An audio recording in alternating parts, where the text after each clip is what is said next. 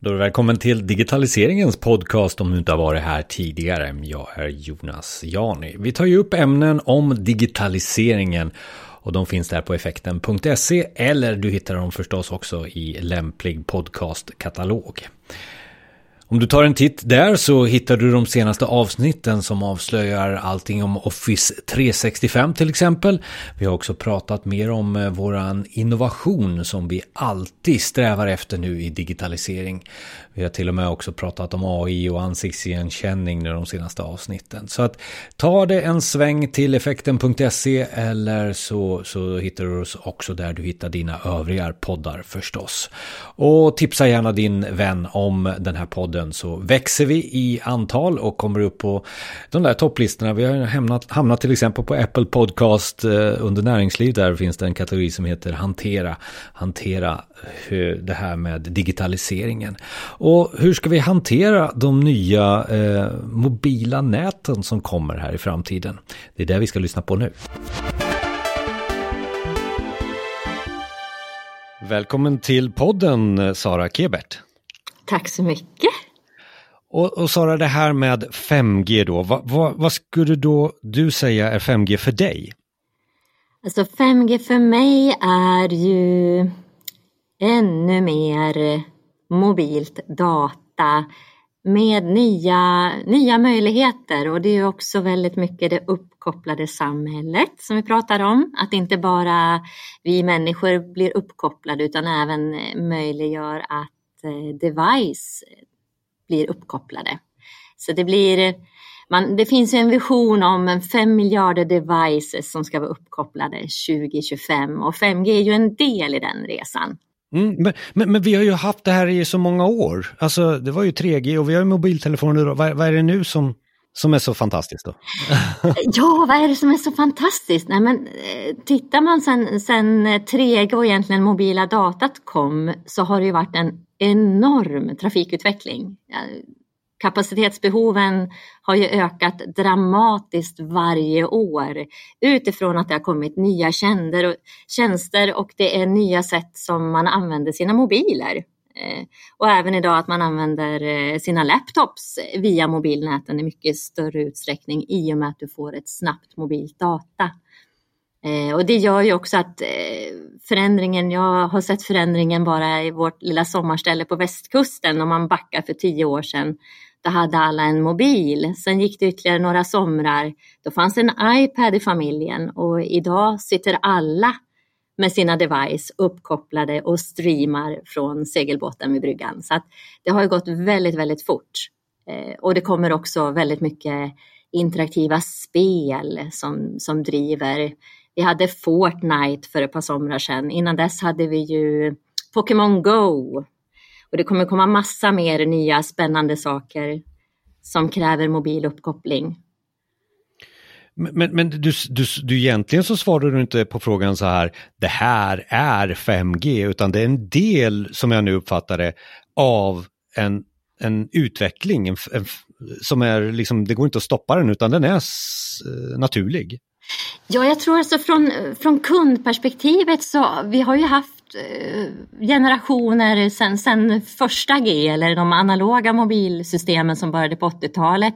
Och sen har det ju ganska har det liksom vuxit organiskt skulle jag säga och jag tror från en, en slutkunds, en användares perspektiv spelar det inte så stor roll 3G, 4G, 5G utan det är mer ett sätt att beskriva vad tekniken klarar och vad man kan erbjuda för tjänster. Och där är ju 5G-standarden baseras ju på de tidigare standarderna. Man tar de smarta sakerna från de tidigare standarderna och eh, gör en global standard, vilket också är väldigt viktigt, så att hela världen kan hänga med i samma smarta system. Det möjliggör ju också för användare att använda tjänsterna var man än befinner sig i världen och, och det möjliggör ju för globala stora bolag att använda tjänster i hela världen. Eh, men behovet kommer ju väldigt mycket av att man behöver mer data, man behöver eh, snabbare svarstider, man behöver också säkrare data. Och säkerheten är väl något som väldigt mycket har seglat upp senaste åren och där tror jag också 5G kan, kan hjälpa till att man kan skapa säkrare privata nät för företag och man kan också säkra datat för privatpersoner. Ja, för att vi ska inte gräva oss så djupt i, i tekniken, men där vi förstår på något sätt eh, automatiskt att det får gå från 4G till 5G, det går snabbare. Eh, men du nämner också en global standard, vilket möjliggör då tekniskt sett kanske utbyggnaden enkel och sådär. Eh, och säkerheten säger du också. Är det något ytterligare som skiljer sig? Behöver vi byta alla telefoner? Behöver vi tänka på um, nya licenser för, för teleoperatörer. Mycket sånt där tekniskt funderar jag på. Eh, ja. Vi behöver inte gå så djupt men ändå. Nej, men, men så är det. I och med att eh, vi har ju frekvenser eh, och det är ju en naturresurs som, som varje land förfogar. I Sverige är det Post och telestyrelsen som som säkerställer att vi nyttjar vårt spektrum eh, på ett eh, effektivt sätt. Det krävs mycket spektrum om du ska ha mycket data och det gör ju också att man behöver nya spektrum om man går upp högre frekvens med 5G för att skapa bredare pipor. En eh, bred pipa kan ju ge mer throughput så att det behövs bredare band i 5G och därav också fler frekvenser. Jag pratade lite om det här med dig innan vi startade intervjun också. Om man tittar lite på eh, USA så känns det väldigt mycket så att de pratar om tekniken nu. De fastnar mm. i det här som du nyss sa, det här med low band, mid band och high, eh, high band. Eh, varför, mm. tror du de, varför tror du de gör det och inte kommer till det här det här eh, som, som du säger att det är en standard och vi går globalt och det är säkrare och sådär. Det är väl också säkert mycket en legacy till vad man har använt det frekvensbandet till hittills och hur mycket frekvensband man har att eh, ge ut för 5G-standarden. Där är inte jag jätteuppsjungen på amerikanska marknaden men det kan ju vara att det är kritiskt för dem utifrån att skapa en, en, en bra bandbredd. För det behövs ju bandbredd om man ska realisera 5G. Och sen såklart är det ju viktigt för man behöver ju en mobil som klarar 5G standarden och de frekvensband som 5G kommer lanseras på. Och där är ju också såklart väldigt mycket att det styrs över vilka band blir de populära banden? Var kommer det finnas väldigt mycket mobiler att tillgå som användarna kommer vilja ha? Det kommer ju också styra vilka spektrum som blir åtråvärda utifrån vilka band som lanseras först. Ja, för där är jag lite nyfiken. Hur är Sveriges, för jag antar att det är någon, någon måste ge ut de här licenserna för, för frekvenserna. Eh, om det är PTS fortfarande kanske. Eh, eh, hur, hur, hur är vi där? Är Sverige på där? Alltså Sverige står ju i startblocken och vi har ju stått i startblocken länge. Sen har vi ju som många pratat om, vi har ju fått en försening i frekvenstilldelningarna eh, för 5G eh, med ett år ungefär. I oktober kommer ju aktionen äga rum för 5G-banden. Och det är såklart för Sverige, vi är ju vana att vara först i världen när det gäller mobila nät. Eh, har ju haft den tätpositionen historiskt. Så för Sverige som land så är det såklart himla osis att vi inte är med i startblocken små testnät är ju igång redan idag i Sverige, men, men att kunna lansera i större skala för allmänheten, då krävs det ett nytt spektrum från eh, och den tilldelningen eh, sker ju i höst, medan man idag tror jag har lanserat 5G säkert ett 50-tal nät runt om i världen som redan är uppe och kommersiella. Så, att, så det är såklart, för, för oss i Sverige så är det ju snopet att vi inte är med i starten. Vi gillar ju att vara tidigt ute och varit engagerade i standarden. Traditionellt har vi legat långt framme inom mobiltelefoni. Om vi tar bort hindren här och istället fokuserar på just det, det här exemplen är, är goda eh, när det gäller när vi har 5G överallt. V mm. vad skulle du Sara säga om vad 5G kan, kan möjliggöra för, för någonting i, i exempelform då från ditt perspektiv? Alltså dels hoppas jag ju på att, att det blir 5G eh, i Sverige. Det, det som har varit vår styrka tror jag hittills i Sverige har ju varit den, att vi faktiskt når en stor del av befolkningen. Och det tror jag är, är jätteviktigt för 5G-näten att vi snabbt får upp en bra täckning för hela Sverige. Eh, så mycket vi kan, för det är då vi kan verkligen kliva in och, Och först då som man kan göra de stora samhällsvinsterna och lansera nya smarta tjänster. Det är ett väldigt tryck såklart och högt intresse kring vårdsektor och, och sådana saker att kunna göra smartare virtuella tjänster in, inom vård och omsorg. Och då gäller det också att användarna har tillgång till 5G. Eh, och sen behöver de också lära sig 5G. Så att jag tror också man behöver ha lite respekt för, just vad det gäller samhällstjänsterna, att användarna behöver också ta till sig den nya tekniken. Och den måste bli behändig att använda för att det ska gå att digitalisera vården som många pratar om. Ja, för, för ge oss gärna exempel som vi kan lära oss av för att ta emot 5G på, på ett bra sätt då.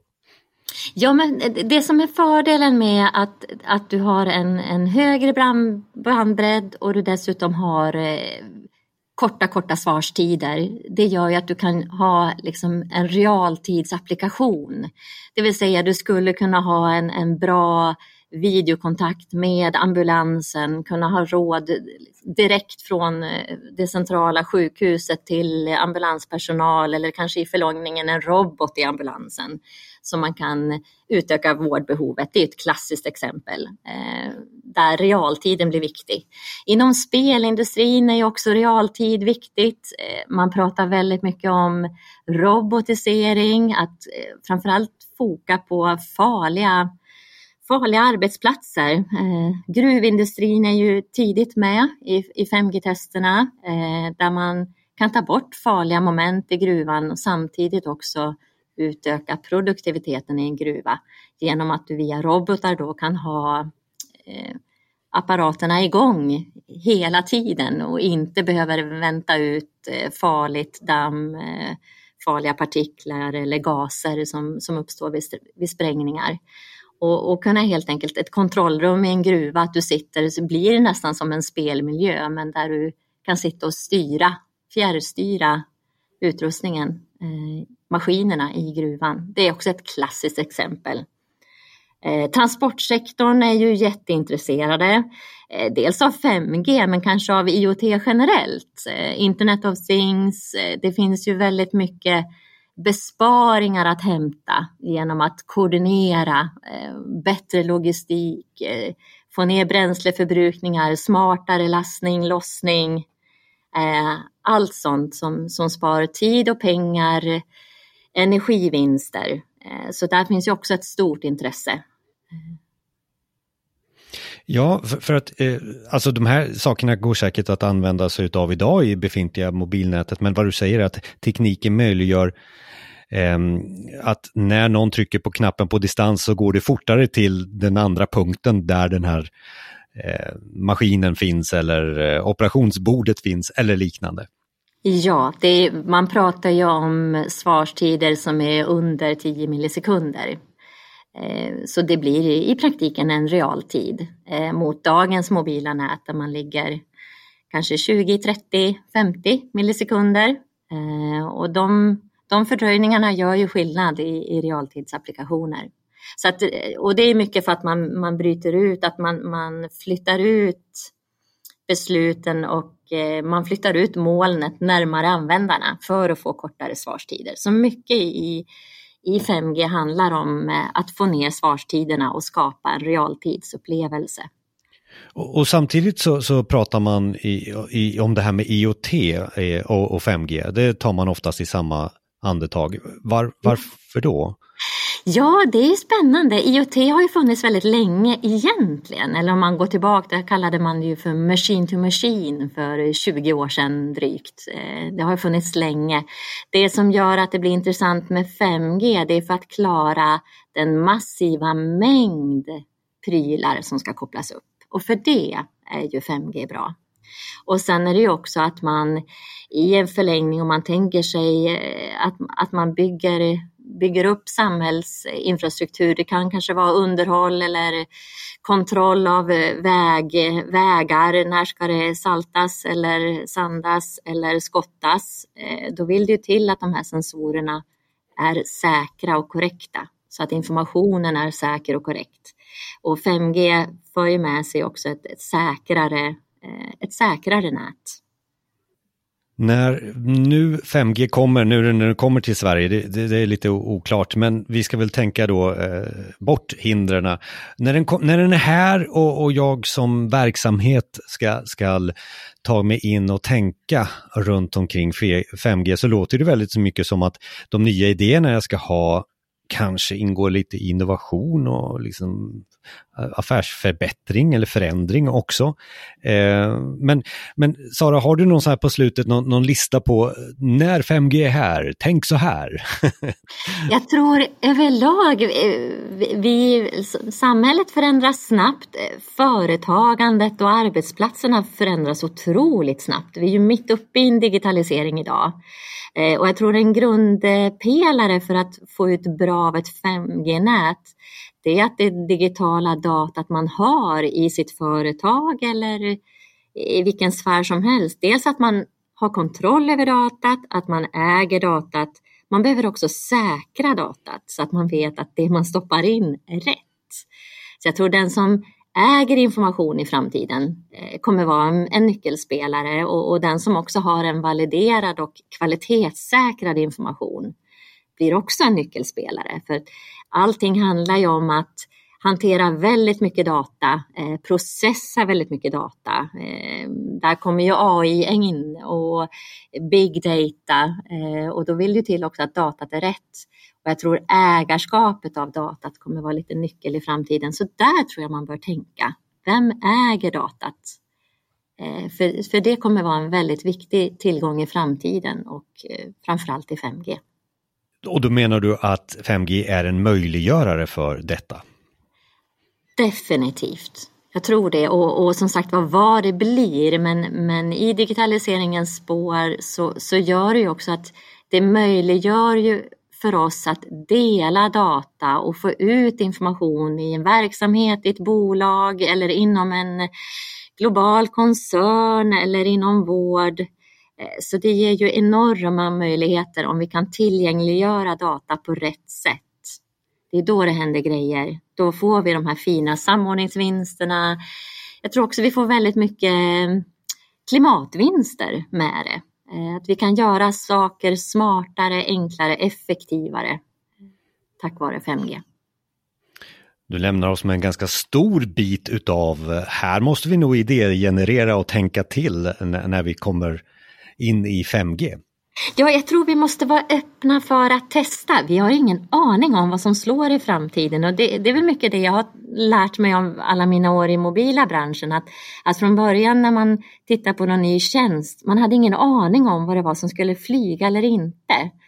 Eh, och tittar man på de liksom, tjänsteplattformar som allt från Facebook och hela vägen fram till Snapchat eller Spotify de har inte funnits särskilt länge egentligen, men idag är de en, en given del av vår vardag och framförallt av mina tonårsbarns vardag så mm. finns de ju där och vi har ju ingen aning om vad som kommer näst, utan vi behöver ju säkra, stabila, snabba 5G-nät som gör det möjligt att vara innovativ. Det är liksom plattformen för att, att skapa de nya tjänsterna. Det är det som är grejen, som jag ser det så här som sista del, är det någonting som du känner att vi har glömt under samtalet här som du vill trycka på lite extra när, om just ämnet 5G? Jag tror tricket, eh, vi är i en globaliserad värld. Jag tror samarbete är nyckeln. Utvecklingen går så fort. Man behöver samarbeta.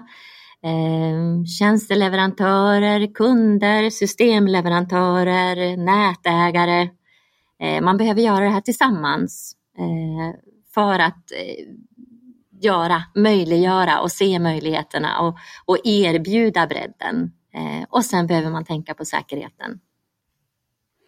På effekten.se så kommer ni att få länkar till Saras kontaktuppgifter och länk, lite länkar vad vi har pratat om här runt 5G. Eh, tack så mycket Sara! Eh, hoppas vi hörs i podden när vi har fått 5G till, till Sverige då. Ja, det hoppas jag också. Det ska bli så spännande. Tack. Tack.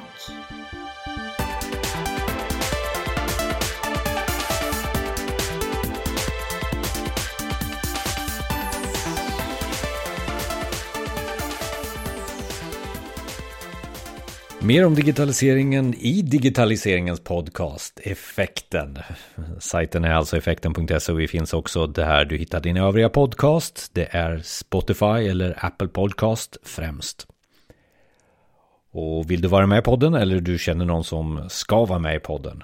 Maila på info effekten.se info effekten.se Du kan också söka upp effekten på LinkedIn.